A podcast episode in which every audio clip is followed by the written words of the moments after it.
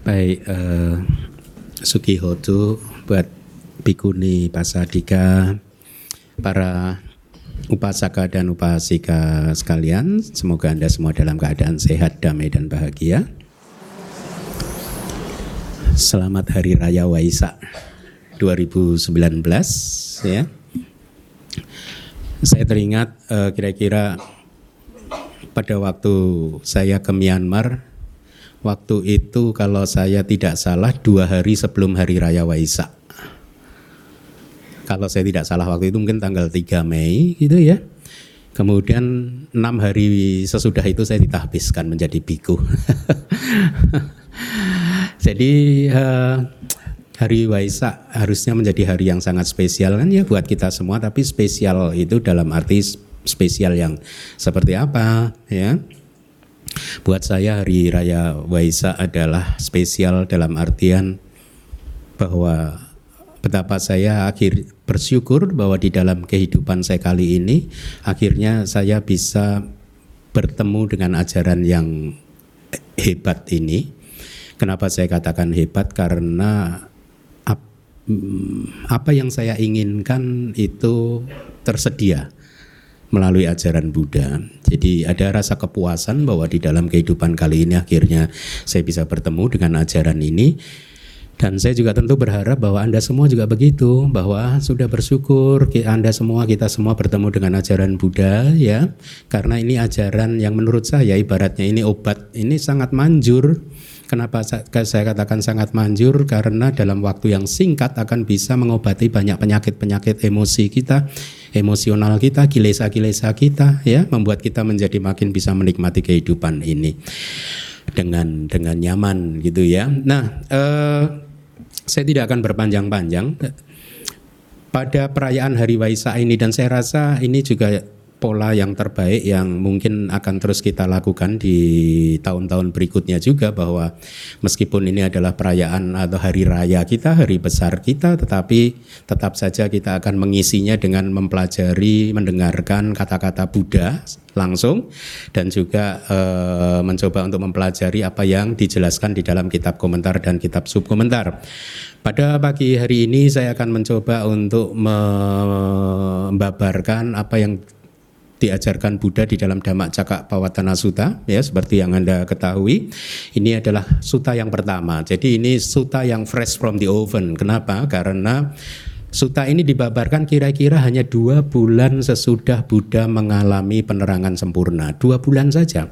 Bah ini khotbah yang pertama, yang paling istilahnya. Yang lain bukan berarti tidak segar, tapi ini benar-benar diajarkan oleh guru agung kita sama Sang Buddha yang baru saja dua bulan yang lalu mengalami penerangan sempurna. Nah, eh, topik utama dari suta ini seperti yang nanti akan Anda lihat adalah tentang empat kebenaran mulia. Ya, tapi seperti yang Anda ketahui di dalam empat kebenaran mulia ini coba Anda renungkan di kebenaran mulia yang keempat adalah berisi tentang jalan mulia berunsur delapan. Sehingga pada saat kita mempelajari empat kebenaran mulia, pada saat yang bersamaan kita juga mempelajari jalan mulia berunsur delapan. Ya. Dari jalan mulia berunsur delapan, pandangan benar sebagai faktor yang pertama sudah kita pelajari sebagai pandangan benar duniawi dan pandangan benar uh, adi duniawi. Ya, pandangan benar adi duniawi adalah pemahaman secara lengkap sepenuhnya tentang empat kebenaran mulia. Jadi Anda bayangkan bahwa empat kebenaran mulia dan jalan mulia berunsur delapan itu saling berangkaian sedemikian rupa sehingga kita tidak bisa menghilangkan salah satunya ya. Nah, tapi ada banyak informasi yang penting yang ada di dalam suta ini yang saya rasa Anda benar-benar harus pahami. Ya, kalau perlu juga Anda nanti di rumah diulang lagi pelajaran ini. Kenapa? Karena topik yang disampaikan oleh Buddha yang fresh from the oven ini tadi, ya, itu menurut saya menjadi topik sentral selama 45 uh, kebudaan beliau. Pada saat, seperti yang Anda ketahui, beliau mencapai kebudaan pada saat beliau berusia berapa? 35 tahun. Kemudian selama 45 tahun berikutnya, beliau membabarkan dhamma di berbagai kesempatan, berbagai kota dengan berbagai macam orang yang berbeda. Ya, meskipun beribu-ribu kali beliau membabarkan dhamma, ya, tapi topik sentralnya itu adalah empat kebenaran mulia. Jadi ini ibaratnya kungfu ini jurus dasarnya ini yang kemudian selama 45 tahun berikutnya dikembangkan oleh Buddha ke, dengan berbagai metode karena menghadapi orang yang berbeda-beda dengan kapasitas uh, spiritual yang berbeda-beda, tingkat kematangan spiritualitas yang berbeda-beda. Dengan demikian karena ini adalah topik sentral ibaratnya ini jurus dasarnya, jurus induknya untuk uh, ini ya akan menjadi sangat penting sekali kalau Anda benar-benar memahaminya. Karena pemahaman dharma apa pun dari Anda tidak akan bisa keluar dari kerangka empat kebenaran mulia dan juga jalan mulia berunsur delapan. Nah, eh, kalau saya mengatakan selama 45 tahun ya itu yang sekarang masih terekam di dalam Sutta Pitaka, Abhidhamma Pitaka bahkan juga Winaya Pitaka itu bersumber dari empat kebenaran mulia. Suta ini meskipun lengkapnya bernama seperti yang bisa Anda baca di layar Dhamma Cakap Pawatana Suta atau khotbah tentang pemutaran roda Dhamma, tapi sering juga disebut dengan singkat yaitu Dhamma Cakak Suta gitu ya. Uh, jadi ketika beliau membabarkan empat kebenaran mulia sesungguhnya beliau sedang menunjukkan jalan untuk pembebasan. Yang tadinya tertutup tidak ada yang tahu ya. Jalannya itu ada terus tetapi ada satu masa di mana ini tertutup. Sehingga tidak ada yang tahu tentang empat kebenaran mulia jalan mulia berunsur delapan. Nah Buddha ini status uh, atribut gelar Buddha itu artinya adalah salah satu artinya adalah seseorang yang menemukan kembali jalan yang tadinya hilang, yang tertutup tadinya. Tertutup rumput, tertutup batu dan lain sebagainya kemudian ditemukan oleh Buddha dan diajarkan ya. Jadi di dalam Dhamma Cakak Sutta ini nanti Anda juga akan melihat bagaimana Buddha menuntun Pancawagya, kelompok pertapa yang terdiri dari lima pertapa untuk bisa keluar dari samsara Ya, jadi ini adalah topik sentral dari suta ini. Mari kita mulai. Saya akan meminta PIC untuk membacakan sutanya. Saya telah mendengar demikian. Pada sewaktu-waktu, Begawan berada di Baranasi, di Taman Rusa Isipatana. Di sana Begawan menyapa para biku dari kelompok yang beranggotakan lima Dua ekstrim ini, wahai para biku, hendaknya tidak dipraktikkan oleh seseorang yang telah meninggalkan keduniawian. Apa itu yang dua? Praktek pelekatan pada kebahagiaan indriawi yang hina, kampungan, cara-cara orang kebanyakan, tidak mulia, tidak ada manfaat. Dan praktek penyiksaan diri yang menyakitkan, tidak mulia, tidak ada manfaat Wahai para biku, tanpa menghampiri kedua ekstrim jalan tengah ini, pembuat pandangan, pembuat pengetahuan yang mengarah pada ketentraman, pada pengetahuan langsung, pada pencerahan, pada nibana, telah diselami seutuhnya oleh tata gata. Dan apakah, wahai para biku, jalan tengah ini, pembuat pandangan, pembuat pengetahuan yang mengarah pada ketenteraman, pada pengetahuan langsung, pada pencerahan, pada nibana, telah diselami seutuhnya oleh tata gata? Hanyalah jalan mulia berunsur delapan ini, yaitu pandangan benar, pikiran benar, ucapan benar, perbuatan benar, penghidupan benar, usaha benar, perhatian penuh benar, konsentrasi benar, itu adalah jalan tengah, wahai para biku, pembuat pandangan, pembuat pengetahuan yang mengarah pada ketentraman, pada pengetahuan langsung, pada pencerahan, pada nibana, telah diselami seutuhnya oleh tata gata. Selanjutnya, ini adalah kebenaran mulia tentang duka, wahai para biku. Kelahiran adalah duka, usia tua juga duka, sakit juga duka, kematian juga duka, persatuan dengan yang tidak menyenangkan juga duka, perpisahan dengan yang menyenangkan juga duka. Tidak mendapatkan apa pun yang diharapkan, itu pun juga duka. Dengan cara singkat, lima agregat yang menjadi objek pelekatan adalah duka. Selanjutnya, wahai para biku, ini adalah kebenaran mulia tentang asal mula duka.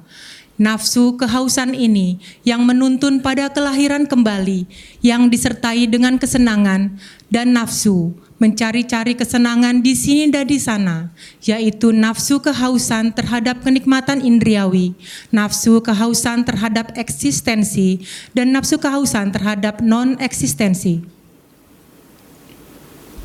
Selanjutnya, inilah wahai para biku, kebenaran mulia tentang kehancuran duka, pemudaran dan penghentian tanpa sisa dari nafsu kehausan itu sendiri, pelepasan, penanggalan, kebebasan tanpa kelekatan.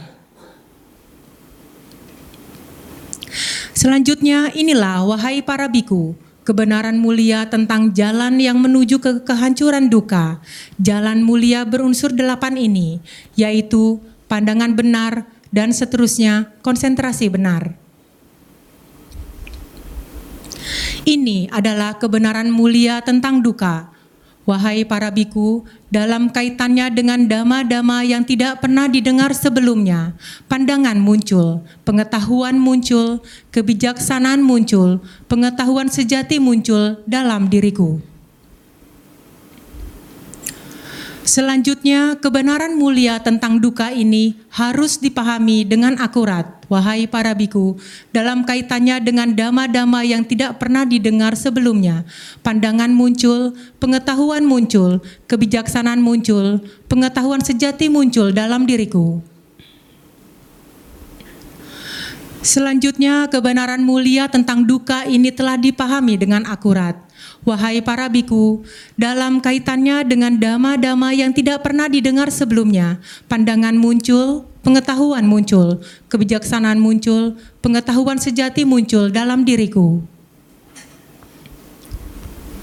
Ini adalah kebenaran mulia tentang asal mula duka.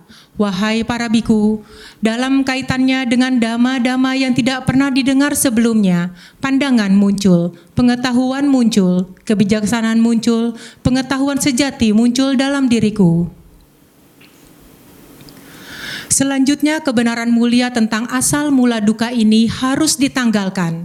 Wahai para biku, dalam kaitannya dengan dama-dama yang tidak pernah didengar sebelumnya, pandangan muncul, pengetahuan muncul, kebijaksanaan muncul, pengetahuan sejati muncul dalam diriku. Selanjutnya, kebenaran mulia tentang asal mula duka ini telah ditanggalkan. Wahai para biku, dalam kaitannya dengan dama-dama yang tidak pernah didengar sebelumnya, pandangan muncul, pengetahuan muncul, kebijaksanaan muncul, pengetahuan sejati muncul dalam diriku.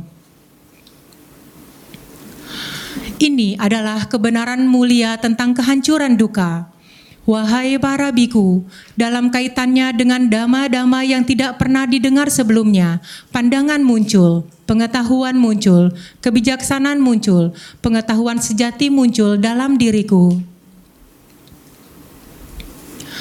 Selanjutnya, kebenaran mulia tentang kehancuran duka ini harus disaksikan sendiri. Wahai para biku, dalam kaitannya dengan dama-dama yang tidak pernah didengar sebelumnya, pandangan muncul, pengetahuan muncul, kebijaksanaan muncul, pengetahuan sejati muncul dalam diriku. Selanjutnya, kebenaran mulia tentang kehancuran duka ini telah disaksikan sendiri. Wahai para biku, dalam kaitannya dengan dama-dama yang tidak pernah didengar sebelumnya, pandangan muncul, pengetahuan muncul, kebijaksanaan muncul, pengetahuan sejati muncul dalam diriku. Ini adalah kebenaran mulia tentang jalan yang menuju ke kehancuran duka. Wahai para biku, dalam kaitannya dengan dama-dama yang tidak pernah didengar sebelumnya, pandangan muncul, pengetahuan muncul, kebijaksanaan muncul, pengetahuan sejati muncul dalam diriku. Selanjutnya, kebenaran mulia tentang jalan yang menuju ke kehancuran duka ini harus dikembangkan. Wahai para biku, dalam kaitannya dengan dama-dama yang tidak pernah didengar sebelumnya, pandangan muncul, pengetahuan muncul, kebijaksanaan muncul, pengetahuan sejati muncul dalam diriku. Selanjutnya, kebenaran mulia tentang jalan yang menuju ke kehancuran duka ini telah dikembangkan. Wahai para biku, dalam kaitannya dengan dama-dama yang tidak pernah didengar sebelumnya, pandangan muncul, pengetahuan muncul, kebijaksanaan muncul, pengetahuan sejati muncul dalam diriku. Wahai para biku, Selama pengetahuan dan pandangan yang sesuai dengan realitas tentang empat kebenaran mulia dalam tiga fase dan dua belas aspek ini belum benar-benar murni, aku tidak pernah, wahai para biku, mengklaim bahwa aku telah sadar terhadap pencerahan sempurna yang tiada taranya di dunia bersama para dewa, Mara dan Brahma di dalam umat manusia bersama dengan para pertapa, Brahmana, manusia dan para raja. Akan tetapi, para biku, sejak pengetahuan dan pandangan yang sesuai dengan realitas tentang empat kebenaran mulia dalam tiga fase dan dua belas aspek ini telah benar-benar murni, kemudian aku, wahai para biku, mengklaim bahwa aku telah sadar terhadap pencerahan sempurna yang tiada taranya di dunia bersama para dewa, Mara dan Brahma di dalam umat manusia bersama dengan para pertapa, Brahmana, manusia dan para raja. Dan selanjutnya, pengetahuan dan penglihatan muncul di dalam diriku kebebasan batinku tidak tergoyahkan. Ini adalah kelahiran yang terakhir. Sekarang tidak ada kelahiran yang baru lagi. Inilah yang Begawan katakan, bersukacita para biku dari kelompok yang terdiri dari lima anggota gembira dengan yang telah dikemukakan oleh Begawan. Dan ketika penjelasan ini sedang disampaikan, mata dama yang Arya kondanya, yang tanpa debu, tanpa noda muncul. Apa pun yang bercirikan kemunculan, semuanya itu bercirikan kelenyapan. Dan selanjutnya, ketika roda dama telah diputar oleh begawan, para dewa yang terikat pada bumi mengabarkan melalui suara, di Baranasi, isi patana, roda dama yang tiada taranya ini telah diputar oleh begawan, yang tidak bisa diputar balik oleh pertapa, Brahma, Dewa, Mara, Brahmana, atau siapa pun di dunia ini. Setelah mendengar suara para dewa, setelah mendengar suara para dewa bumi, para dewa empat maharaja mengabarkan melalui suara, di Baranasi isi patana, roda damai yang tiada taranya ini telah diputar oleh begawan yang tidak bisa diputar balik oleh pertapa, Brahma, Dewa, Mara, Brahmana, atau siapa pun di dunia ini.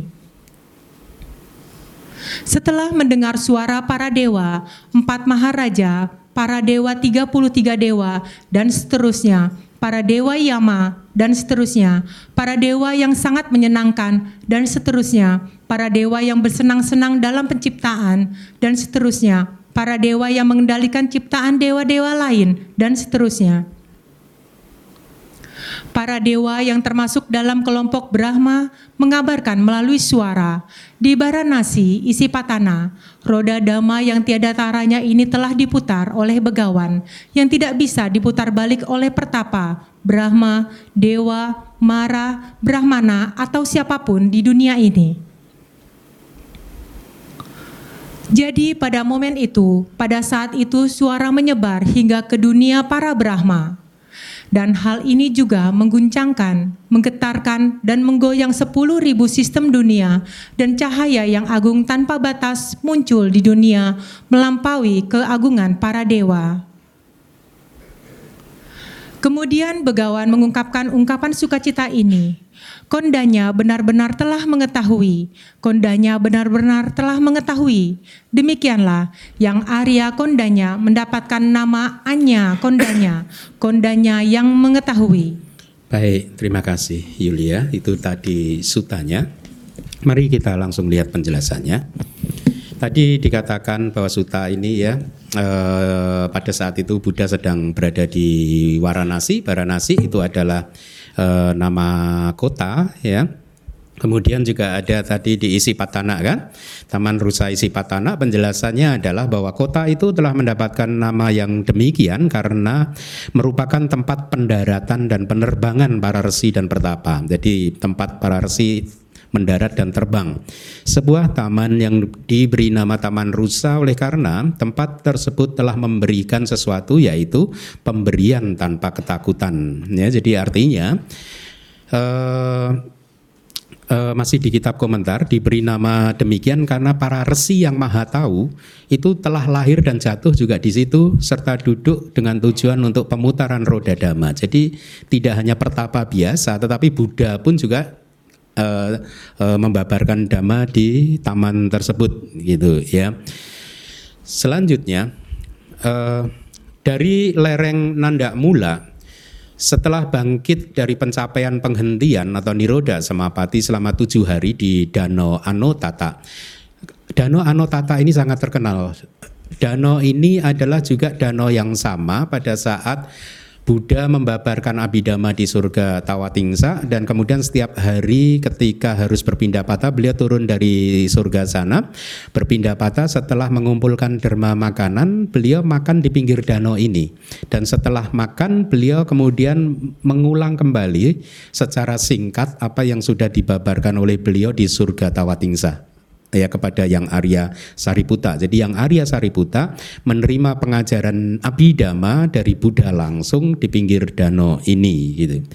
Jadi setelah melakukan tugas pencucian wajah atau mulut, Resi yang juga adalah seorang Paceka Buddha tiba melalui angkasa dan jatuh mendarat di sini. Jadi ini sepertinya mungkin awal mula kenapa uh, taman ini menjadi sangat terkenal. Gitu. Di suta tadi juga uh, di awalnya ada kalimat saya telah mendengar demikian pada suatu waktu Begawan berada di Baranasi di Taman Rusa Isi Patana. Di sana Begawan menyapa para biku dari kelompok yang beranggotakan lima atau menyapa lima pertapa. Ya, nah kitab komentar memberi penjelasan menyapa dengan memberikan ilustrasi cerita dari awal. Jadi di kenapa Buddha akhirnya bisa menyapa para biku untuk membabarkan Dhammacakkappawatana Sutta? Kitab komentar membawa kita kilas balik ke kejadian awal pada saat Bodhisattva sebagai pertapa di uh, Sumeda mengucapkan aspirasi di kaki Buddha di Pangkara. Jadi dijelaskan sejak beraspirasi di bawah kaki Buddha di Pangkara dengan secara bertahap beliau memenuhi parami, melakukan penolakan agung dan mencapai tempat di bawah pohon bodhi, duduk dalam posisi bersila yang tidak terkalahkan. Gitu. Jadi eh, seperti yang sudah anda ketahui, ya, tujuan dari bodhisatta untuk mencapai kebudaan adalah anda ingat nggak uh, tekad beliau yang kuat Budo, Bodeyang seperti halnya ya setelah mencapai penerangan sempurna oleh saya sendiri, maka saya pun juga akan membuat makhluk lain untuk mencapai pencerahan gitu kan. Muto moceyang setelah mencapai pembebasan saya sendiri telah mencapai pembebasan saya juga akan membuat makhluk lain untuk bisa mencapai pembebasannya. Tino tariang setelah menyeberang ke sungai atau ke pantai seberang maka saya juga akan membuat makhluk lain untuk bisa menyeberang. Jadi ini adalah motivasi awal dari bodhisatta. Setelah mencapai kebudaan beliau akan mengajar begitu maksudnya. Dan hari itu, malam itu, di malam yang kemudian kita kenal sebagai malam Waisa yang kita rayakan hari ini, Buddha membabarkan suta ini dengan pertama-tama menyapa kepada Pancawagia Biku, ya menyapa kepada lima pertapa gitu. Nah, eh, selanjutnya setelah menghancurkan kekuatan Mara, di sepertiga malam yang pertama beliau teringat kehidupan lampaunya ya. Ini pencapaian uh, kronologis di malam penerangan sempurna. Setelah itu di sepertiga malam yang tengah yang berikutnya beliau memurnikan mata dewa sehingga dengan mata dewa yang murni tanpa cacat beliau bisa melihat satu makhluk lahir meninggal lahir meninggal lahir meninggal karena kekuatan karma Inilah mengapa beliau bisa mengajarkan hukum karma dengan sedemikian sempurnanya karena beliau melihat langsung di malam penerangan sempurna itu.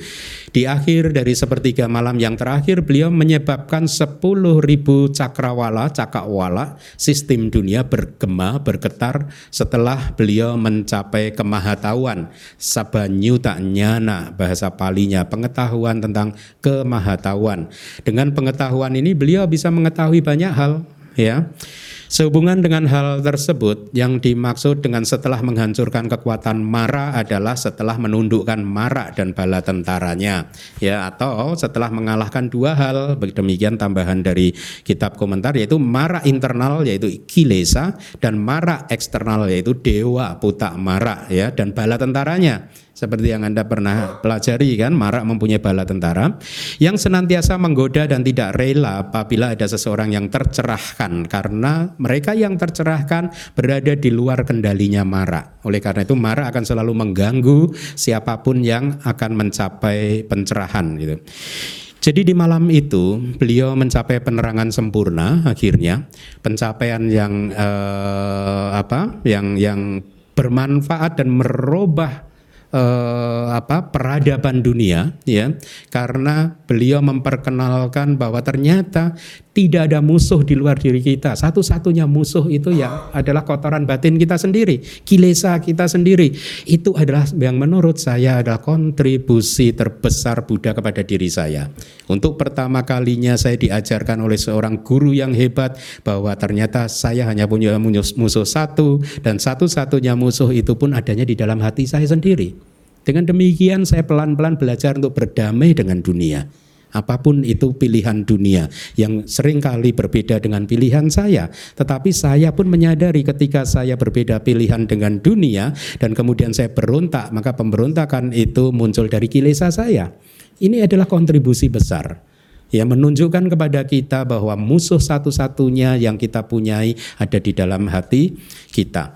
Nah malam hari itu di malam penerangan sempurna kejadiannya itu kira-kira kalau dihitung Buddha mencapai penerangan sempurna itu 623 tahun sebelum masehi. Jadi sampai sekarang kalau dihitung uh, uh, apa sekitar 2607 tahun gitu ya. Jadi usia sasana kita sudah sebanyak itu dan hari ini kita masih di sini sudah 2500 600 tahun diajarkan kita belum keluar dari samsara juga. Selanjutnya, setelah menghabiskan waktu di bawah pohon Bodhi selama tujuh minggu, ya, beliau diminta untuk membabarkan dhamma oleh Maha Brahma. Beliau mengamati dunia dengan menggunakan mata Buddha, kemudian demi belas kasih pada dunia, beliau pergi ke Varanasi meminta Pancawagya, pertapa eh, lima pertapa, ya, untuk berkumpul bermaksud untuk memutar roda dhamma kemudian beliau menyapa para biku. Itu penjelasannya ya. Seperti yang Anda ketahui di minggu ya tujuh minggu setelah malam penerangan sempurna di dari tujuh minggu di minggu yang keempat beliau merenungkan pelat, uh, yang kemudian belakangan kita ketahui sebagai ajaran Abhidhamma ya. Jadi pada awal dari minggu keempat itu para dewa menciptakan semacam rumah untuk Buddha yang kemudian bernama Ratanagara. Ratanagara itu adalah rumah yang juga disebut sebagai permata gitu. Ya. Ratanagara di dalam rumah yang disebut Ratanagara ciptaan para dewata ini Buddha selama tujuh hari mengkontemplasikan ajaran Abhidhamma dan di kitab disebutkan hanya pada minggu tersebutlah maka sinar tubuh beliau itu mencapai titik terang yang maksimal. Tidak di minggu-minggu yang lain. Hanya pada saat beliau merenungkan kedalaman ajaran Abhidhamma maka tubuhnya bersinar terang benderang ya. Dan nama Ratanagara ini kemudian kami adopsi untuk menjadi nama Sima dari eh, DBS ini yang akan diresmikan tanggal 22 nanti. Selanjutnya, tadi di Sutta Buddha mengajarkan kepada kita untuk menghindari dua ekstrim. Itu sangat bagus untuk Anda ketahui apa saja dua ekstrim yang harus dihindari ya. Penjelasannya dulu dari kitab komentar, wahai para biku, dua ekstrim ini atau dua bagian ini harus dihindari. Dihindari dengan melalui ucapan di dalam kalimat ini uh, eh, apa? Jadi kalimat dari Buddha itu tadi mencapai eh, yang paling bawah itu sampai ke awici dan yang paling atas menembus sampai ke alam yang tertinggi dan ucapan itu tersebar dan berhenti di 10.000 sistem dunia. Nah, apakah yang dimaksud oleh Buddha dengan dua ekstrim ini tadi ya? Eh, yaitu apa? Pelekatan pada kenikmatan indriawi serta apa praktek penyiksaan diri. Pertanyaan saya, Anda umat di, diminta oleh Buddha untuk menghindari dua ekstrim ini tidak? Jawabannya ada di Suta. Buddha mengatakan, wahai para biku, dua ekstrim ini hendaknya tidak dipraktekkan oleh seseorang yang telah meninggalkan keduniawian. Berarti Anda boleh. walaupun demikian, walaupun ajaran ini harus dihindari oleh para biku yang sudah meninggalkan keduniawian, bukan berarti Anda boleh juga mengumbar sebebas-bebasnya, tetap ada batasannya selama tidak melanggar sila, tidak melakukan karma buruk ya. Itu. Kemudian Uh, jadi di sini kita mendapat informasi bahwa kekuatan dari ajaran Buddha ini tersebar hingga berhenti di 10.000 sistem dunia. Mari kita lanjutkan lagi. Pada waktu itu sesungguhnya 18 koti Brahma-Brahma berkumpul. Koti itu angka yang equal dengan 10 juta. Berarti ada berapa Brahma itu? 180 juta. Brahma berkumpul pada waktu itu. Matahari tenggelam di barat. Pertemuan antara bulan purnama dengan bintang A Salaha muncul di timur. Jadi para Brahma berkumpul. Mereka adalah para makhluk yang berkumpul ini tadi 180 juta Brahma ini diceritakan di dalam kitab komentar bahwa mereka ini adalah makhluk yang dulunya telah beraspirasi untuk mendengarkan kebenaran dari seorang dengan kebijaksanaan yang tertinggi yaitu Buddha. Jadi ada ada ada sebabnya kenapa hanya 180 juta ini padahal Brahma banyak sekali. Ternyata dijelaskan bahwa karena beliau-beliau ini dulu beraspirasi. Makanya Anda juga harus selalu mengucapkan aspirasi setiap kali selesai berbuat baik ya. Jangan setiap kali selesai berbuat tidak baik. Ya.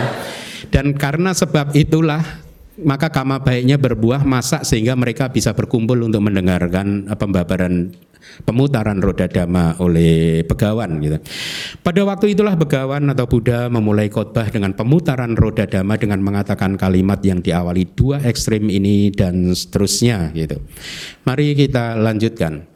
Sehubungan dengan hal tersebut, yang dimaksud dengan kalimat oleh seseorang yang telah meninggalkan keduniawian adalah oleh seseorang yang telah menjalani kehidupan sebagai seorang pertapa setelah memotong belenggu rumah tangga. Jadi Anda terbebas nih dari sini. Ringan dikit ya. Ya. Jadi belenggu rumah tangga itu apa? Ikatan rumah tangga, ya kan? Anda udah merasakannya kan, terikat kan? Mari kita lanjutkan. Tidak dipraktekkan itu artinya tidak boleh dijalani oleh seorang biku. Nah, makanya biku itu winayanya ketat gitu. Ya. Praktek pelekatan pada kebahagiaan indriawi ini ekstrim yang pertama yaitu apa? Menuruti kebahagiaan yang berasal dari kilesa dalam kaitannya dengan objek-objek indriawi. Biku dilarang ya. Nah, eh, uh, ya kebahagiaan yang berasal dari kilesa dalam kaitannya dengan objek indriawi di sub komentar dijelaskan sebagai kebahagiaan yang terangkai dengan kilesa yang berkaitan dengan kenikmatan indriawi. Jadi hati-hati ya. Ini pun sebagai umat baik juga untuk dipraktekkan ya ketika Anda mengalami kebahagiaan yang berkaitan dengan panca indera Anda, nikmatilah dengan tanpa kilesa. Paham ya? Tapi Anda kan nggak paham kilesa itu apa. Jadi gimana dong Bante? Nah, repot, makanya masih di sini kita ya. Yang dimaksud dengan menuruti artinya mengikuti, ya mengikuti itu sehingga akan terus memunculkan kelahiran kembali, ya akan memperpanjang, menambah jumlah kelahiran kembali. Ekstrim yang kedua adalah praktek penyiksaan diri. Praktek penyiksaan diri sendiri artinya adalah penyebab penderitaan untuk diri sendiri. Yang dimaksud dengan menyakitkan adalah membawa penderitaan karena menyebabkan kematian diri sendiri.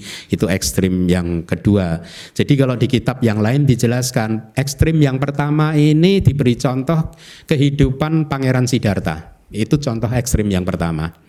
Ekstrim yang kedua diberi contoh di dalam kitab komentar yang lain kehidupan pertapa Pangeran uh, Siddhartha ketika bertapa di hutan selama enam tahun. Itu adalah ekstrim yang kedua. Nah ini pun dua ini harus dihindari.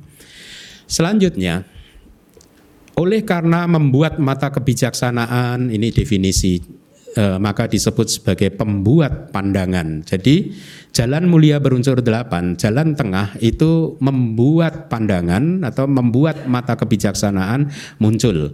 Kata yang kedua yaitu pembuat pengetahuan adalah hanya sinonim untuk kata tersebut. Kalimat pada ketentraman dimaksudkan untuk keredaan kilesa. Jadi inilah yang dimaksud hidup yang tentram sesungguhnya. Hidup yang tentram itu bukan ketika bisnis Anda lancar ya, tabungan Anda bertambah terus, udah financial freedom. Enggak, enggak tentram juga. Tentram itu kalau kilesanya sudah hancur. Ya, punya uang banyak, kalau kilesanya masih banyak, sama aja enggak akan tentram. Itu pesannya, ya. Nah, jadi menghindari dua ekstrim kemudian kita harus mengembangkan jalan tengah yaitu jalan mulia berunsur delapan. Penjelasan untuk pada pengetahuan langsung adalah pengetahuan langsung tentang empat kebenaran mulia. Jadi eh, ketika seseorang bermeditasi, berwipasana dan kemudian dia mencapai pencerahan, ya Istilah pencerahan itu tidak lain dan tidak bukan adalah kemunculan dari kesadaran jalan atau maga cita ya. Pada saat kemunculan kesadaran jalan inilah yogi tersebut kebijaksanaannya dikatakan memahami, menembus empat kebenaran mulia sampai sedalam-dalamnya. Itu yang dimaksud ya. Sedangkan arti daripada pencerahan dimaksudkan untuk pengetahuan mengenai empat kebenaran mulia. Jadi ini hanyalah definisi-definisi yang diberikan di dalam kitab komentar ya. Selanjutnya tadi ada kalimat begini, wahai para biku di dalam sutanya. Selama pengetahuan dan pandangan yang sesuai dengan realitas, yatha buta, tentang empat kebenaran mulia dalam tiga fase dan dua belas aspek ini belum benar-benar murni, maka aku tidak pernah mengklaim bahwa aku telah sadar. Jadi ini pernyataan yang sangat menggetarkan hati juga. Kejujuran Buddha bahwa selama beliau belum tercerahkan, dia tidak mengklaim bahwa saya sudah tercerahkan. Nah jadi boleh Anda ingat-ingat ada tiga fase dan dua belas aspek. Artinya apa? Di dalam empat kebenaran mulia nanti Anda akan lihat masing-masing dari empat kebenaran mulia itu ada tiga fase yang harus direalisasi. Jadi tiga kali empat berapa anak-anak? Ya, itulah 12 aspek. Nanti kita akan jelaskan gitu. Fase yang pertama itu lihat pengetahuan tentang kebenaran. Jadi berkaitan dengan empat kebenaran, yogi akan tahu, oh inilah kebenaran mulia tentang duka yang pertama. Oh inilah kebenaran mulia yang kedua. Itu melalui vipassana, dia akan merealisasi. Inilah kebenaran mulia yang keempat. Inilah kebenaran mulia yang ketiga. Itu adalah fase yang pertama. Kemudian fase yang kedua adalah tentang tugas. Apa yang harus dilakukan? Terhadap masing-masing dari empat kebenaran mulia. Ternyata di dalam kebenaran mulia yang pertama, tugas yang harus dilakukan adalah parinya, harus dipahami dengan akurat, harus dipahami dengan menyeluruh. Apa itu kebenaran mulia yang pertama? Kebenaran mulia yang pertama adalah nama dan rupa. Batin dan jasmani harus dipahami secara menyeluruh. Daging itu termasuk apa? Rupa. Rupa itu termasuk kebenaran mulia yang keberapa? Pertama, ya. Kebenaran mulia yang pertama itu harus diapakan? Harus dipahami sepenuhnya. Inilah mengapa Theravada tidak uh, apa uh, Theravada mengikuti nasihat Buddha bahwa kita para biku dan umat juga boleh untuk makan daging. Karena daging itu bukan untuk ditinggalkan. Yang ditinggalkan adalah kebenaran mulia yang ke dua yaitu nafsu kehausan, nafsu keinginan kita. Nah, jadi dari tiga fase ini untuk masing-masing dari empat kebenaran mulia yaitu yang pertama adalah nomor satu seperti yang di layar pengetahuan ya Anda harus tahu ini kebenaran mulia apa lalu Anda juga harus merealisasi melalui vipassana harus diapakan kemudian yang ketiga adalah Anda mengerti bahwa tugas sudah saya laksanakan bahwa Empat kebenaran apa? Kebenaran mulia yang pertama sudah saya pahami sepenuhnya. Kebenaran mulia yang kedua sudah saya tinggalkan dan seterusnya. Maka kita mendapat 12 aspek. Jadi di sini lagi dijelaskan yang dimaksud dengan 12 aspek adalah 12 ciri oleh karena di dalam setiap kebenaran untuk masing-masing terdapat eh, tiga aspek ya. Selanjutnya dari Arti dari mata dama, ya ini istilah. Selama ini Anda mengenal istilah dama caku, mata dama. Apa itu dama caku? Di sini dijelaskan ini adalah tiga uh, jalan dan buah selain dari tiga jalan dan tiga buah yang atas. Jadi artinya ini adalah istilah untuk tingkat pencapaian sotapana. Ketika di dalam suta dijelaskan bahwa e, mata dhamma dari yang Arya Kondanya yang tanpa debu tanpa noda muncul, maka itu sebenarnya adalah ekspresi yang menunjukkan bahwa yang Arya Kondanya telah mencapai tingkat kesucian sota pana. Jadi itu istilah dari dhamma caku adalah tingkat sota pana. Kemudian penjelasan untuk ketika roda dhamma adalah ketika pengetahuan tentang penembusan dan juga ketika pengetahuan tentang pembabaran itu uh, dari kitab komentar uh, jadi ketika roda dhamma itu berarti ketika dua pengetahuan ini sedang dibabarkan belum selesai gitu. Yang dinamakan roda dhamma adalah pengetahuan tentang penembusan empat kebenaran mulia. Uh, apa? Bahasa palinya Dhamma Caka ya. Jadi roda dhamma ini dhamma caka yang Anda mungkin lebih familiar itu sesungguhnya adalah pengetahuan artinya adalah pengetahuan tentang penembusan empat kebenaran mulia dalam 12 aspek yang telah muncul pada Buddha ketika duduk bersila di bawah pohon Bodhi. Selanjutnya, dan juga pengetahuan tentang pembabaran yang telah memutar pembabaran tentang kebenaran dalam 12 aspek ketika beliau duduk di isi patana gitu. Jadi di dua lokasi di bawah pohon bodhi dan juga di isi patana gitu. Nah, eh,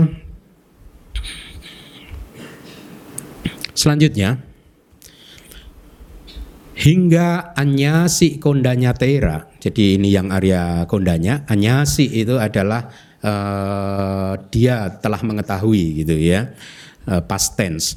Bersama dengan 18 kodi Brahma kukuh di buah sotapati. Jadi ketika seseorang itu kukuh di buah sotapati berarti dia sudah menjadi sotapana penuh. Kalau dia belum kukuh di buah sotapati, dia baru berada di atas jalan sotapati, dia belum menjadi sotapana dia hanya menjadi individu yang kukuh di atas jalan sotapati, belum penuh. Sejauh itu dinamakan sebagai begawan sedang memutar roda dama, ya.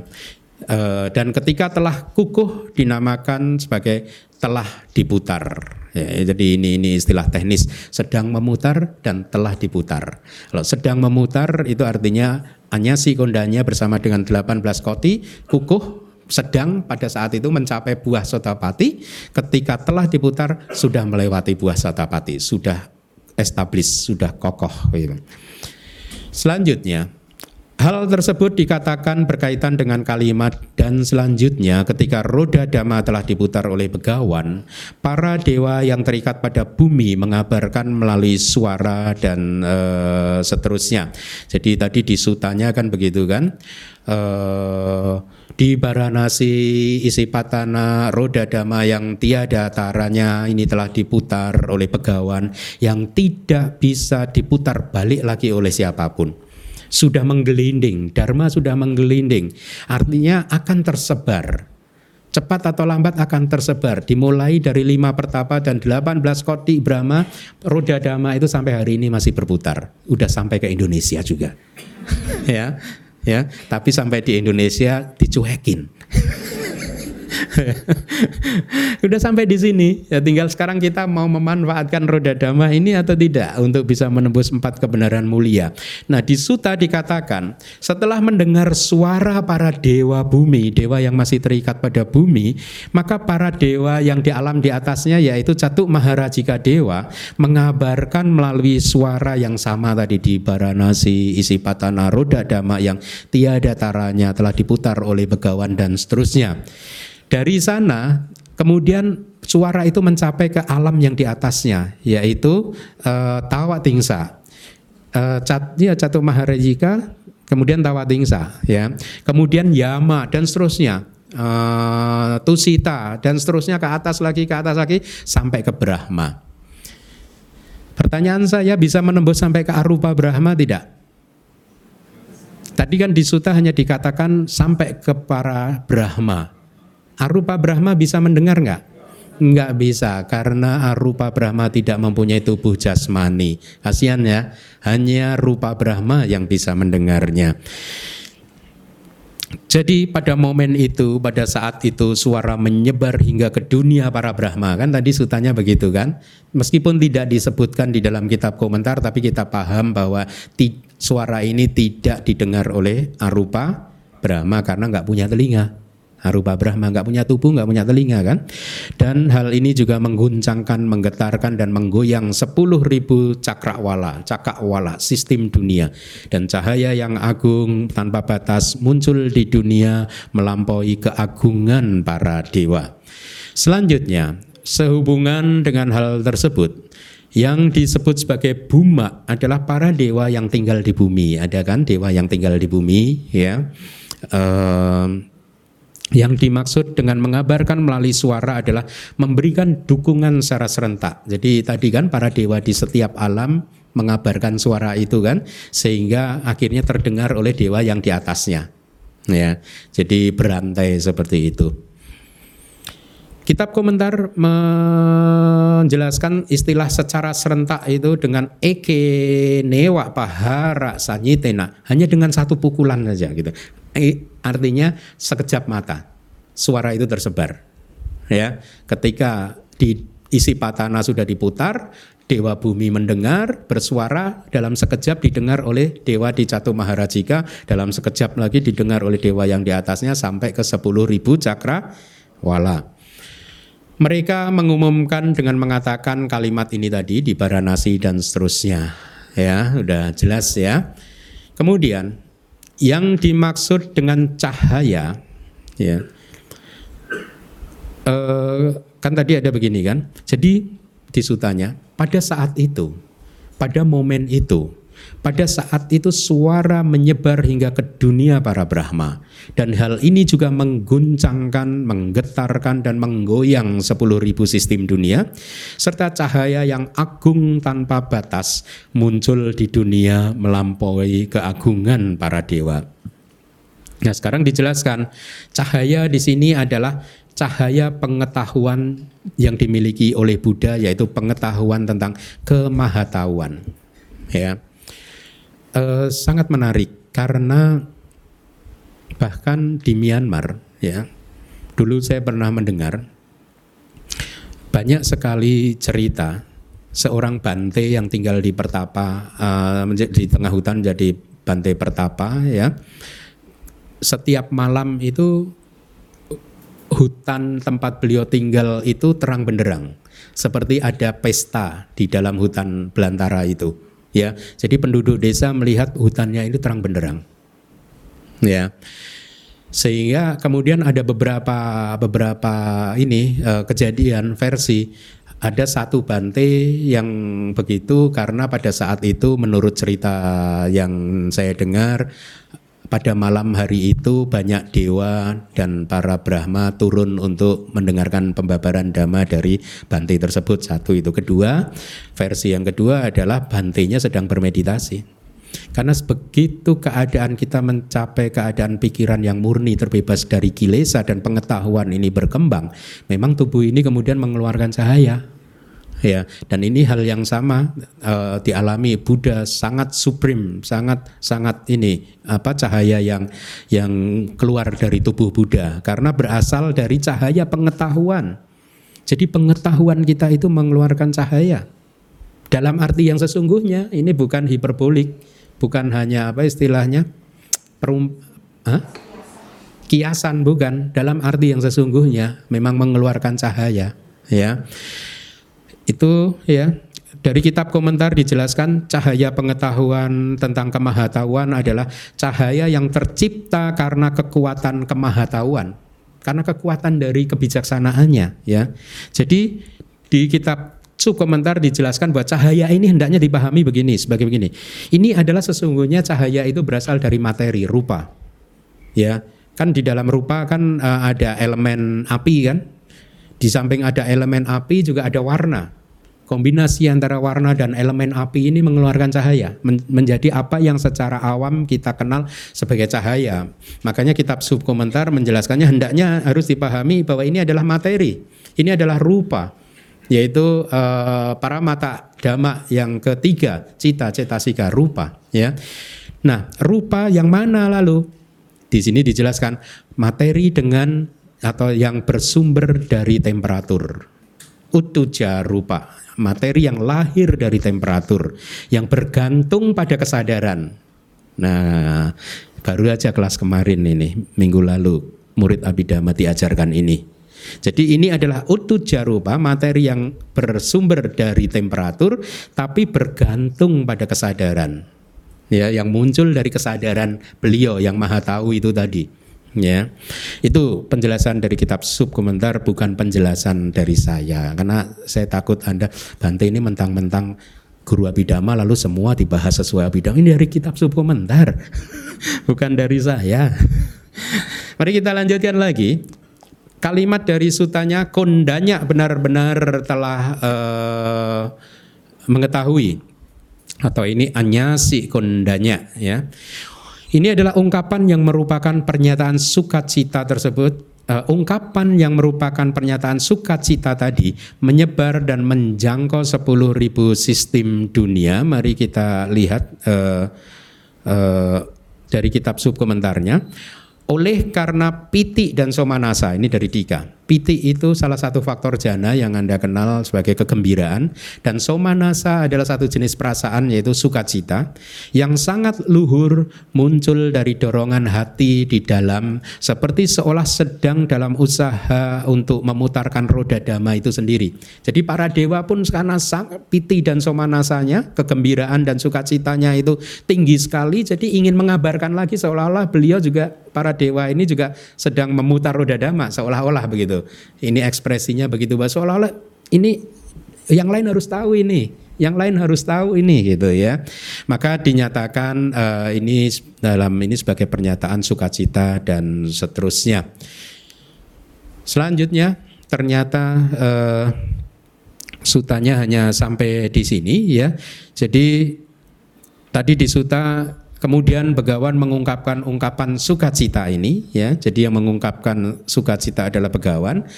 Ungkapan sukacitanya adalah kondanya benar-benar telah mengetahui.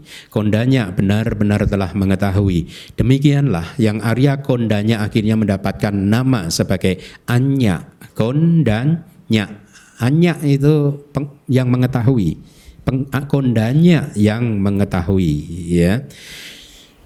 Jadi ungkapan ini um, akhirnya ungkapan sukacita Buddha itu tadi pun terhadap pencapaian dari Arya yang mulia kondanya tersebar hingga sampai ke 10.000 sistem dunia.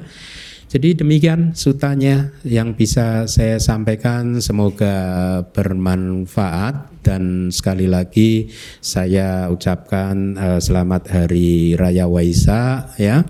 Sebagai seorang guru saya tidak akan segan-segan untuk mengingatkan kepada Anda semua bahwa kelahiran Anda kali ini itu akan terus berproses ya bukan kelahiran yang pertama dan juga bukan kelahiran yang terakhir. Artinya, ya, masih ada banyak kelahiran-kelahiran yang menanti kita di depan kecuali kita semua mencapai arahat di dalam kehidupan ini. Oleh karena masih banyak kelahiran yang menanti menunggu kita di depan, maka Anda harus tahu prioritas utama apa yang harus Anda lakukan. Kita lakukan di dalam kehidupan kali ini. Ya di dalam kehidupan kali ini ada satu prioritas yaitu memahami dhamma ini ya memahami ajaran Buddha karena hanya dengan pemahaman tentang ajaran Buddha yang benar yang bersumber pada kitab suci yang bersumber pada kitab komentar dan subkomentar maka Anda akan mulai bisa mengelola kehidupan Anda dengan baik dan benar sehingga Anda tidak lagi terdelusi tertipu oleh dunia ini ya. Jadi ada sesuatu yang harusnya Anda jadikan prioritas ya dan prioritas itu lakukan terus dengan penuh konsistensi sehingga kehidupan ini Anda meningkat, pariyati Anda meningkat, pati-pati Anda meningkat dan semoga Anda semua bisa mencapai maga nyana pengetahuan jalan, pala nyana pengetahuan buah dan nibana secepatnya.